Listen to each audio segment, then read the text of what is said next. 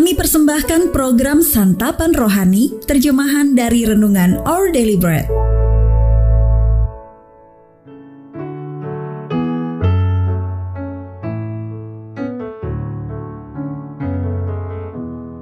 Sahabat ODB membaca Alkitab hari ini terambil dari Yakobus pasal yang pertama ayat yang ke-22 sampai dengan ayat yang ke-27.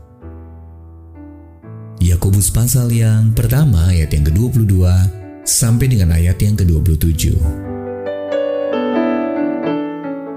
Tetapi hendaklah kamu menjadi pelaku firman dan bukan hanya pendengar saja.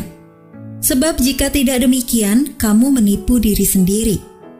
Sebab jika seorang hanya mendengar firman saja dan tidak melakukannya, ia adalah seumpama seorang yang sedang mengamati mukanya yang sebenarnya di depan cermin.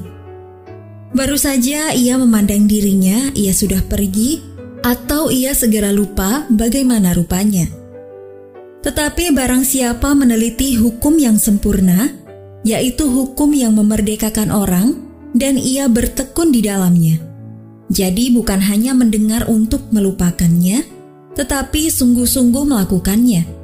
Ia akan berbahagia oleh perbuatannya.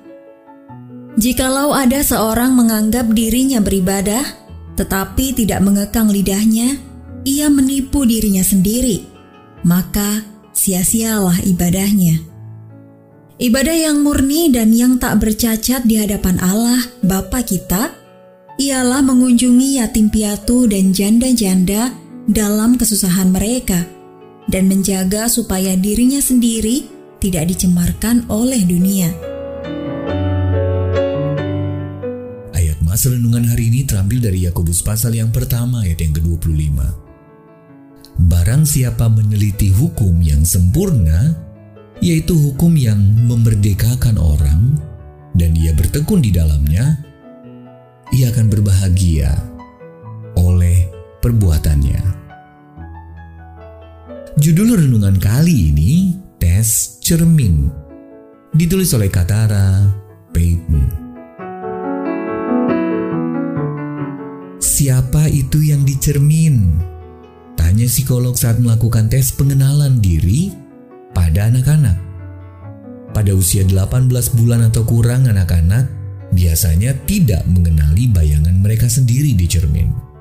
Namun setelah lebih besar, mereka mengerti bahwa mereka sedang melihat diri sendiri di cermin.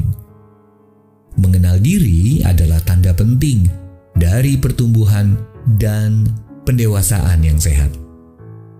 Mengenal diri juga penting bagi pertumbuhan orang percaya. Yakobus menguraikan tes pengenalan diri dengan menggunakan cermin. Cermin itu adalah firman kebenaran dari Allah. Yakobus pasal yang pertama ayat yang ke-18. Ketika kita membaca kitab suci, apa yang kita lihat? Apakah kita mengenali diri kita saat kitab suci menguraikan tentang kasih dan kerendahan hati? Atau apakah kita melihat tindakan kita sendiri saat membaca apa yang Allah perintahkan untuk kita lakukan? Ketika kita melihat ke dalam hati dan menguji tindakan kita, kitab suci dapat menolong kita untuk mengenali apakah tindakan kita selaras dengan kehendak Allah, ataukah kita perlu mengalami pertobatan dan mengambil langkah-langkah perubahan. Yakobus memperingatkan kita untuk tidak hanya membaca Alkitab lalu pergi dan menipu diri sendiri, karena melupakan apa yang telah kita terima. Kitab suci memberi kita pedoman untuk hidup bijaksana sesuai dengan rencana Allah. Saat kita membaca, merenungkan, dan mencernanya, kita dapat meminta kepadanya agar memampukan kita untuk menyelidiki hati kita dan memberi kita kekuatan untuk melakukan perubahan yang perlu dijalani. Sahabat ODB, apa yang Anda lihat ketika Anda bercermin pada kitab suci? Perubahan apakah yang perlu Anda lakukan? Allah tolonglah aku untuk menggunakan kitab suci sebagai cermin untuk melihat hidup, motivasi, dan tindakanku.